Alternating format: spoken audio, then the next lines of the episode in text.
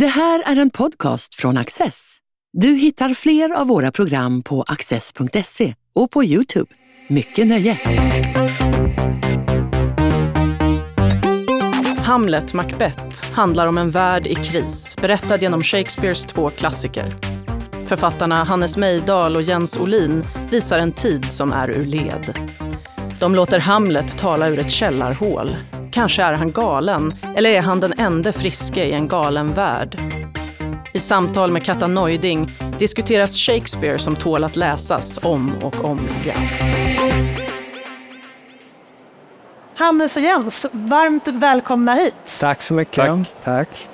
Det här är er bok som ni har skrivit. Eh, Den ser ut som en helt vanlig bok. Men här, innanför de här pärmarna döljer sig ju väldigt mycket mer än vad man skulle kunna tro. Så vill ni berätta för mig, vad är det här för en bok egentligen? Ja, det är något så ovanligt som nyskriven svensk dramatik i bokform och det har vi att tacka förlaget Kaunitz Olsson för som ville ge ut den. Det korta svaret är att det är två pjäser, Hamlet och Macbeth inom parentes, två syskonpjäser till Shakespeares berömda pjäser skrivna på blankvers och som spelats i Stockholm på Galeasen och på Dramaten senaste åren. Det längre svaret, vill du utveckla det? Ja, det här är ju inga bearbetningar av eh, Shakespeares pjäser, utan man kan säga att vi har utgått ifrån Shakespeares fabel, alltså från det mytiska stoffet i pjäserna och eh, försökt också efterlikna Shakespeares form. Det vill säga att vi, allting är skrivet på blank vers som är då fem stycken versfötter för varje rad. Eh, man skulle kunna säga att det är en form av remixer av Shakespeare. Så att allting finns med, men i lite andra former. Tematiken är kvar. På många sätt lite andra former skulle jag säga. Vi ska komma in på det. Eh, jag är ändå lite nyfiken, för det är ju väldigt ovanligt att eh, den här typen av dramatik som redan har spelats blir utgiven. Hur kommer det sig att just den här blev en bok? Eller två pjäser till och med blev en bok? Delvis tror jag det har att göra med blankversformen som du säger. De är, är skrivna på, med någon slags litterär ambition, även om det såklart för oss är, är spelmanuskript. Så vi blev väldigt glada när Kaunitz Olsson frågade om man kunde ge ut det. Men det har, under åren vi spelat har vi faktiskt ganska ofta fått frågor från publiken som hört av sig till kassan. Det, där, det gick så fort, jag skulle vilja återvända och lä, läsa det. Så därför är det fantastiskt att det, att det kunde komma ut. Men ni är två personer som skriver manus tillsammans samtidigt som ni resonerar med en tredje person, alltså Shakespeare. Hur funkar det? Ja, vi resonerar nog inte så mycket med Shakespeare faktiskt. Vi läser ju såklart pjäsen innan, men det stora arbetet börjar när vi försöker väva in våra egna eh, tankar och funderingar och teorier om världen via Shakespeares material. Så att det fungerar väl ofta så att vi sitter tillsammans med en med en Shakespeare-text, men framförallt med våra egna, vår egen upplevelse av vår samtid och pratar om den. Det är inte så att vi tänker vad kan man göra med Hamlet, utan snarare är det så att det har pågått ett samtal mellan oss länge och plötsligt bara, det här är precis som i Hamlet. Och så kommer pjäsen till oss istället. Och i bästa fall, så, i och med att vi är två som skriver samtidigt, så när det fungerar som bäst så är, det, är vi ju inte heller alltid eniga om vad som händer i samtiden och hur det händer. Men som Jens säger, det är det här samtalet som smyger sig in i, ett, i en befintlig urfabel.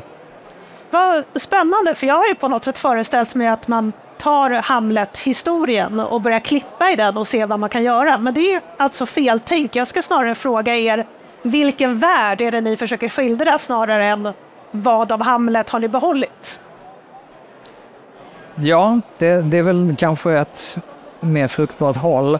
Vi, eh, det här, vi skrev ju den här 2016 och då världspolitiskt var det precis, vi började precis innan Trump fick makten i USA. Brexit var på gång. Stormade i Turkiet. Ja, precis. Och det var, det var väldigt turbulent i omvärlden. Vi eh, hade båda på den tiden ganska små barn. Och vi funderade mycket på den värld som de kom till och hur man skulle, hur man skulle, hur man skulle förklara världen för dem, den värld som de skulle växa upp i. där det plötsligt inte fanns så många rester av den gamla, den gamla världen som vi växte upp i kvar. Och hur man skulle försvara det vi tycker och alltid har tyckt är viktigt, de värden som om man vill kalla det humanistiska värden eller civilisationer mot en meningsmotståndare som man upplever som övermäktig i sin skamlöshet. Det finns en, en urscen i original-Hamlet som kretsar kring, vi kallar pjäsen i pjäsen. Hamlet bjuder in en gästande skådespelartrupp på slottet i Helsingör att spela en pjäs. Han ändrar den där pjäsen lite och visar upp den för den nye kungen, farbrodern Claudius, med syftet att när farbro, farbrodern då ser sitt brott gestaltat så kommer han bryta ihop i skam och inse vad han har gjort sig skyldig till. Och det sker ju mycket riktigt i originalpjäsen, medan hos oss visste vi att vi ville göra det här, men att han inte alls bryter ihop, utan att han tvärtom applåderar det glatt. Han tycker det är en jättebra pjäs och han säger till Hamlet, du har talang, fortsätt och kramar om honom och går ut. Vad gör man då när de vapnen är borta? När vi bara har ord att försvara oss med och de orden är impotenta? Det är ju en liten Trump-clown nästan nu när man tänker efter. För var det Trump ni tänkte på när ni byggde den här karaktären Claudius? Nej, inte, inte honom som person, utan kanske mer en, en anda. För man kan ju se framför sig hur Trump skulle bli ställd inför den här situationen och reagera ja, exakt ja. likadant. Vi var, li, vi var lite rädda för faktiskt att vara lite för tydliga på den punkten så att inför premiären tror jag att vi, vi strök. Suddade lite. Ja, vi suddade så att det inte skulle bli det handlar inte om honom som person utan att det handlar om en anda. Det vi också gjorde var att vi strök eh, Ofelia-rollen till förmån för ett litet barn som är Hamlets gudbarn och precis som i originalet Polonius dotter. Och det var väl ett sätt för oss att skriva in ansvaret som vi upplevde låg på våra axlar eh, inför våra egna barn. Hon, hon är ju också på något vis vålnadens funktion, det moraliska imperativet. Den som säger till Hamlet, du måste döda honom, du måste vrida tiden rätt igen.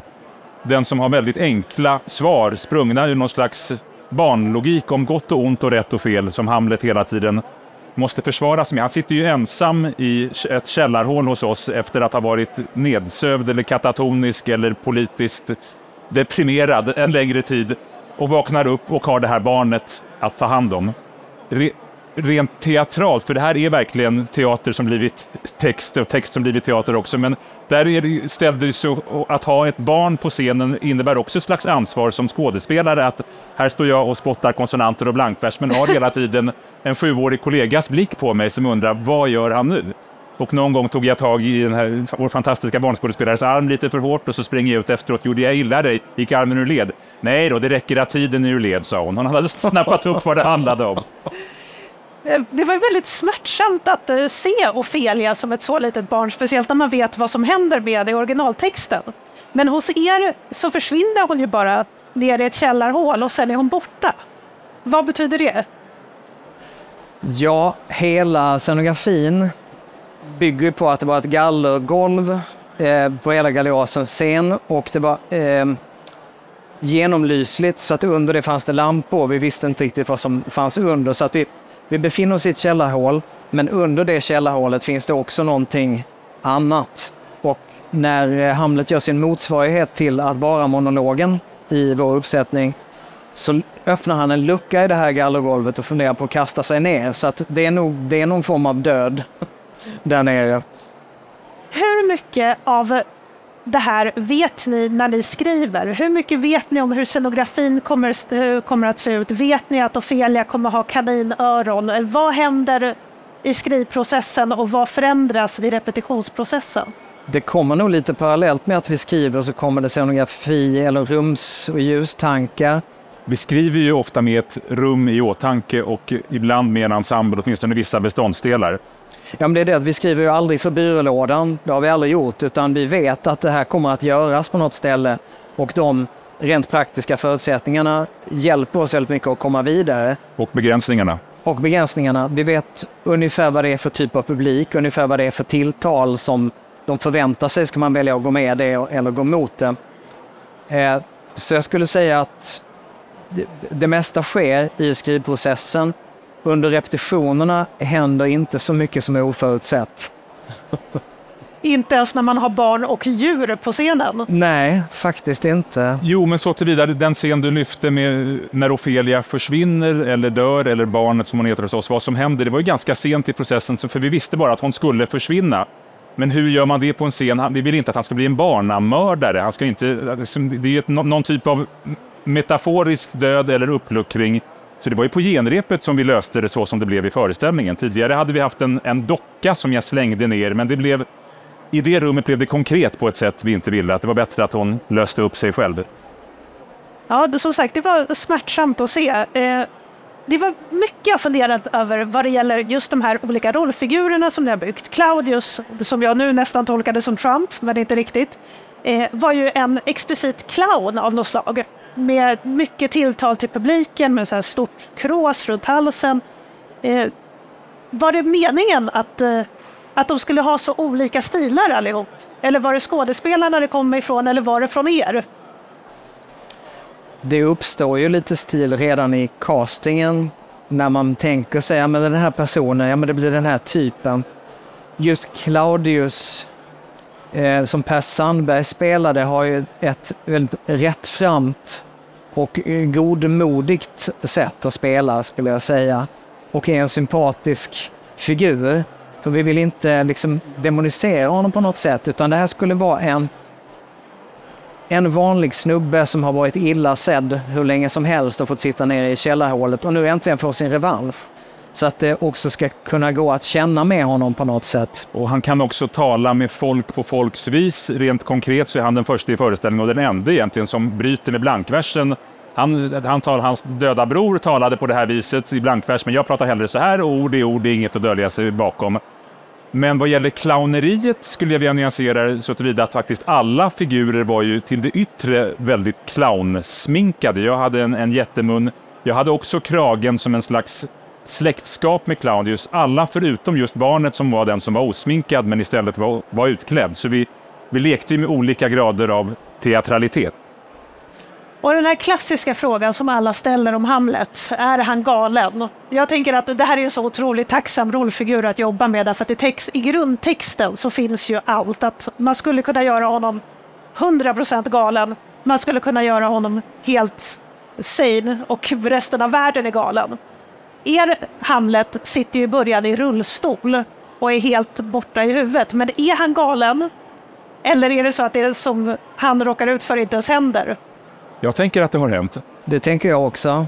Jag har nog aldrig varit så intresserad, eh, för, för, för min del i alla fall, av om han är galen eller inte. Precis på samma sätt som jag aldrig har varit så intresserad av Hamlets och Ofelias kärlekshistoria.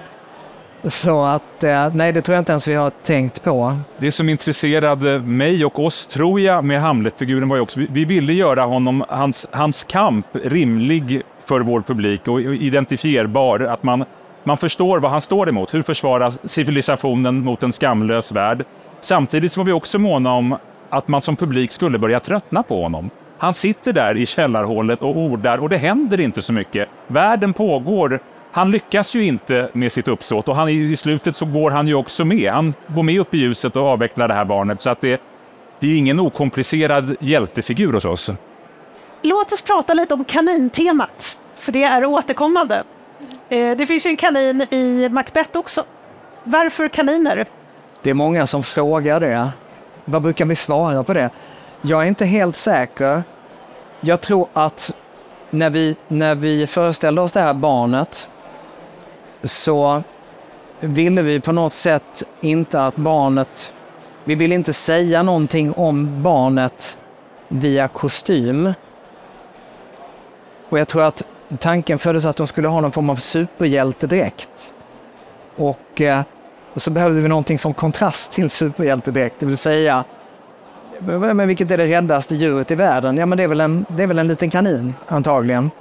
Så att hon, eh, som hon säger också i föreställningen, när Hamlet frågar varför är du utklädd till kanin? För att en kanin är aldrig rädd. Men vad säger du, är en kanin aldrig rädd? Vad är det, vill du att kaninen ska vara rädd? Så att det är en gåtfullhet i det också som jag inte heller är riktigt klar över själv. Men jag håller med, det har med rädsla att göra. Såklart är kaninen också besläktad med Alice i Underlandet och du frågar, har det hänt eller inte att en nedstigande i, i något undermedvetet. Det fick vi ju reda på senare. Jag vet inte om det är en sägen eller om det är sant, men det sägs att man förr i tiden när man forslade hästar, att man hade med sig en kanin i transporten för att när kaninen var lugn så blev hästen lugn. Så det, det, det är något med kaninen just som symbol för, för rädsla och skyddslöshet. Och som känner när det börjar darra i marken. Ja, som liksom. vädrar. När man väljer, som ni, att skriva in både barn och djur i manus, är det någonsin en chansning? Eller vet man att det kommer att fungera? Att, att få det att fungera på scenen? Allting med teater är en chansning. Det är ju så omöjligt egentligen att göra teater, för man, man föreställer sig en människa i en viss roll, man vet inte alls om det kommer att landa bra. Jag ser den egentligen inte som någon större risk med barn och djur än med, än med skådespelare, scenografi. Allting annat i en teaterprocess som, är, som kan vara så hyggligt krångligt. Inga djurrättsaktivister som kommer och klagar? Nej. Dramaten var väldigt noga med att lägga ut på hemsidan hur det här eh, kaninen i Macbeth hade det, hur den bodde, att eh, den blev hämtad och lämnad till föreställningarna. Så. Jag skulle vilja prata lite mer om er skrivprocess, för jag är så nyfiken på hur det går till. Är det så att en sitter och skriver och den andra står och skriker, eller hur ser det ut? Vi turas om väldigt Men det är mycket. ofta en som skriver och en som vankar. Ja. Men vi sitter mycket tillsammans i samma rum och är... fördelen med bara två är ju att en kan misströsta lite och då är det den andra som, som drar. ja, och plus som Hannes sa, att ofta så är vi ju inte helt överens. Utan jag vill dra scenen åt ett håll och Hannes säger att men nej, nej, nej, vi måste dra åt det här hållet för annars blir det för mycket så. Och någonstans däremellan så uppstår en väldigt fruktbar dialog där vi oftast får med bådas perspektiv. Vilket gör att det blir, det blir ju pjäser som jag aldrig hade kunnat skriva själv och som Hannes inte hade kunnat skriva själv, utan det är verkligen summan av våra perspektiv som kommer ut i text. Ja, och det är det som upphovspersoner och också att vi under skrivprocessen allt mer går in i rollen som regissör och skådespelare tror jag. Ja. Där du har det övergripande ansvaret för rum och allting medan jag börjar zooma in på den, den roll jag ska gestalta och vad som är någon smärtpunkt för mig som du kanske inte upplever, men den, den kan vi inte ta bort. Tvärtom, den måste vässas och så på Men den är inte vägen. det en svårighet i sig? Att sitta skådespelare och re- regissör, det är ett lite konstigt maktförhållande när man eh, Ja, men i alltså, de vi, rollerna. har, vi har jobbat ihop i 18 år. Och när vi började jobba ihop så hade jag aldrig regisserat. Jag var också skådespelare på den tiden. Ehm, vi spelar scenerna mot varandra hela tiden och antar olika roller. Så jag, jag tycker att det är ganska sent i processen, till och med, med egentligen när själva skrivprocessen är avslutad, som vi faktiskt delar upp oss i skådespelare och regissör igen. Och kan vi förvänta oss ett Shakespeare-tema från er? Att det kommer fortsätta komma sådana här pjäser? Nej, Inte alls, det kom spontant. Ja, nej, jag tror, jag tror att vi är lite färdiga med den biten I och för faktiskt. sig, nu ställde jag frågan fel igen, eller hur? Det är frågan jag ska ställa är vilken värld är det ni kommer vilja gestalta i framtiden? Vilka konflikter vill ni ta upp? Vi pratar om det just nu. mycket, Ja, Vi, har, vi, har en, eh, vi har en beställning på gång. Men eh, vi- det- vi har inte hunnit prata ihop oss. Vi är Nej. upptagna så mycket var och en på sitt håll. Jag regisserar på olika ställen och Hannes är med i sina föreställningar, så vi, vi träffas ju väldigt sällan. Men vi har skrivit tid i höst och vinter. Då ska det bli någonting. Men vad det blir vet vi inte. Men det som är så lock- har varit så lockande med just Shakespeares värld är ju att det är ett, ett så teatralt universum. Dels med blankversen, man, man kan tala om svåra saker utan att behöva dölja det i någon slags vardaglighet. Här, hos Shakespeare, precis som hos grekerna, så talar man med, med Gud och med heden och med häxorna. Och det, det finns ett teaterspråk i det som har varit väldigt lustfyllt att, att ägna sig åt. Ja, jag tycker att man ser det, speciellt i hur ni har byggt de här rollfigurerna. Som, alltså, det är den här clownen och den här väldigt stela drottningen och det lilla kaninbarnet som, som du säger kan prata om helt andra saker än vad det vardagliga språket kan. Men det jag undrar är, de blir ju politiska de här föreställningarna som ni gör på något sätt för att de samspelar med samtiden. Men vad är de stora frågorna som bara teatern kan ta? Det är väl just det att teater skiljer sig från en debattartikel just därför att den inte behöver driva en tes. Den att den kan vrida och vända på saker. Jag tycker varken Hamlet eller Macbeth är särskilt entydiga. Fördjupning skulle jag säga. Och perspektivskifte. Ja, Och också när dramatik är som bäst så har ju den som talar de bästa argumenten. På något vis. Om det inte är tesdriven dramatik. Men hos Strindberg till exempel är det ju så. Han, han är ju som, jämför jag oss inte med Strindberg, men han är ju så mycket större Konstnären, teoretikern, när han i Fröken Julie skriver det här hemska företalet, att han ska skildra halvapan och halvmänniskan Fröken Julie och allt. Och sen sätter han sig och skriver och då blir ju Strindberg Fröken Julie. Hon är ju, hon är ju den som har bästa replikerna. Och sen alltså när vi kommer in i, i den typen av dialog är det ju så roligt med teater. Och ibland när vi skriver så är det ju så att den andra drämmer till med en, en replik som då får komma in. Men under skrivarbetet, vi läser, vi läser mycket debattartiklar och allt sånt som intresserar oss. Det slängs in och sen när det är för tydligt kastas det ut. Och, och vad kan det vara när ni sitter och rotar i debattartiklar och så gör konst av det? allt. Ja, Allt. Jag läser ju nästan allt som skrivs. Oj! Oj. Vilka Jag frågor? överdrev lite. Men jag, jag läser så, så mycket jag hinner och orkar därför att jag, jag tycker det är spännande hur språket och tonläget förändras också över tid. När man märker att men gud, det här är, det här är en artikel som inte har skrivits förr på det här sättet. Och så kommer det i kölvattnet, det kommer liknande artiklar därifrån och därifrån. Och plötsligt så har man vridit scenen ett kvarts varv. Och eh, det- är ju de vridningarna vi är intresserade av mycket i, som språkförskjutningar. Det är, ju- de flesta i Hamlet och Macbeth har ju genomgått eller genomgår någon form av eh, perspektiv, Glidning. glidning och perspektivförskjutning på världen. Det är egentligen det som är den enda dramatiken. Ur, ur storyn har vi ju från Shakespeare som är så enkel som i Lejonkungen egentligen. Att det är ny, nya pappan, dumman pappa, som Bar- Barbro Lindgren gör i Titta Hamlet. Den är väldigt enkel och följbar. Därför kan vi ju låta den rulla på och ägna oss just åt de här glidningarna. Ska, jag- får jag läsa ett stycke? Ja, självklart. Är det okej Jens? Ja. Ja. Nej, men det blir, blir konkre konkretare så. Just det, det du nämnde, de, den monolog här som ersätter att vara monologen hos oss. När, när Hamlet står vid den här luckan Jens talade om. Och scen 13 och kanske ska kasta sig ut och vänder sig till sin döde far. Din regelbok är helt föråldrad, pappa.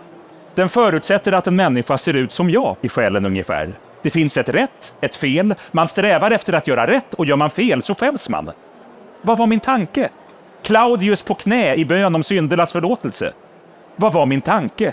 Claudius i ånger med svansen mellan benen krypande tillbaks till källarhålet för att dö. Hans samvete ska få honom på fall. Där finns inte något samvete.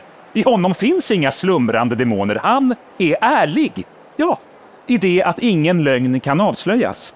För han gör inte skillnad på lögn och sanning, sant och falskt. Han saknar intresse för begreppen. Ord är ord, finns inget bakom dem. I samma stund han säger dem förvandlas de till sanning. Hans ord är sanna eftersom han sagt dem. Finns inget minne bortom detta nu. Det finns inget att avslöja i honom. Hans lögn... Det är exakt det här han vill. Att jag ska sysselsätta mig med prat. Förfasas, reagera, sätta ord på, bli indignerad, rasa, resignera och skämmas över att jag resignerar.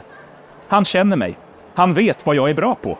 Jag kommer stå här nere med mitt prat, moraliskt överlägsen och förlamad av ovisshet inför de nya regler som bygger på att inga regler finns.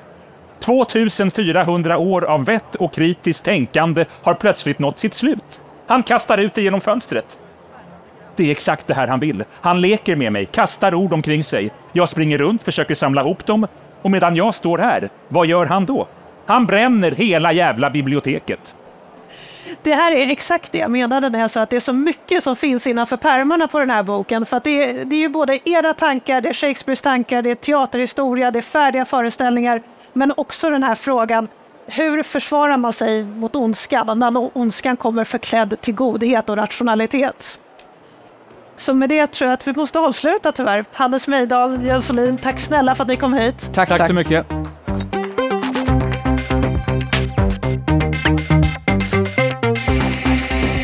Du har just lyssnat på en podcast från Access. Du vet väl att vi också är en tv-kanal och tidning? Teckna en prenumeration idag på access.se.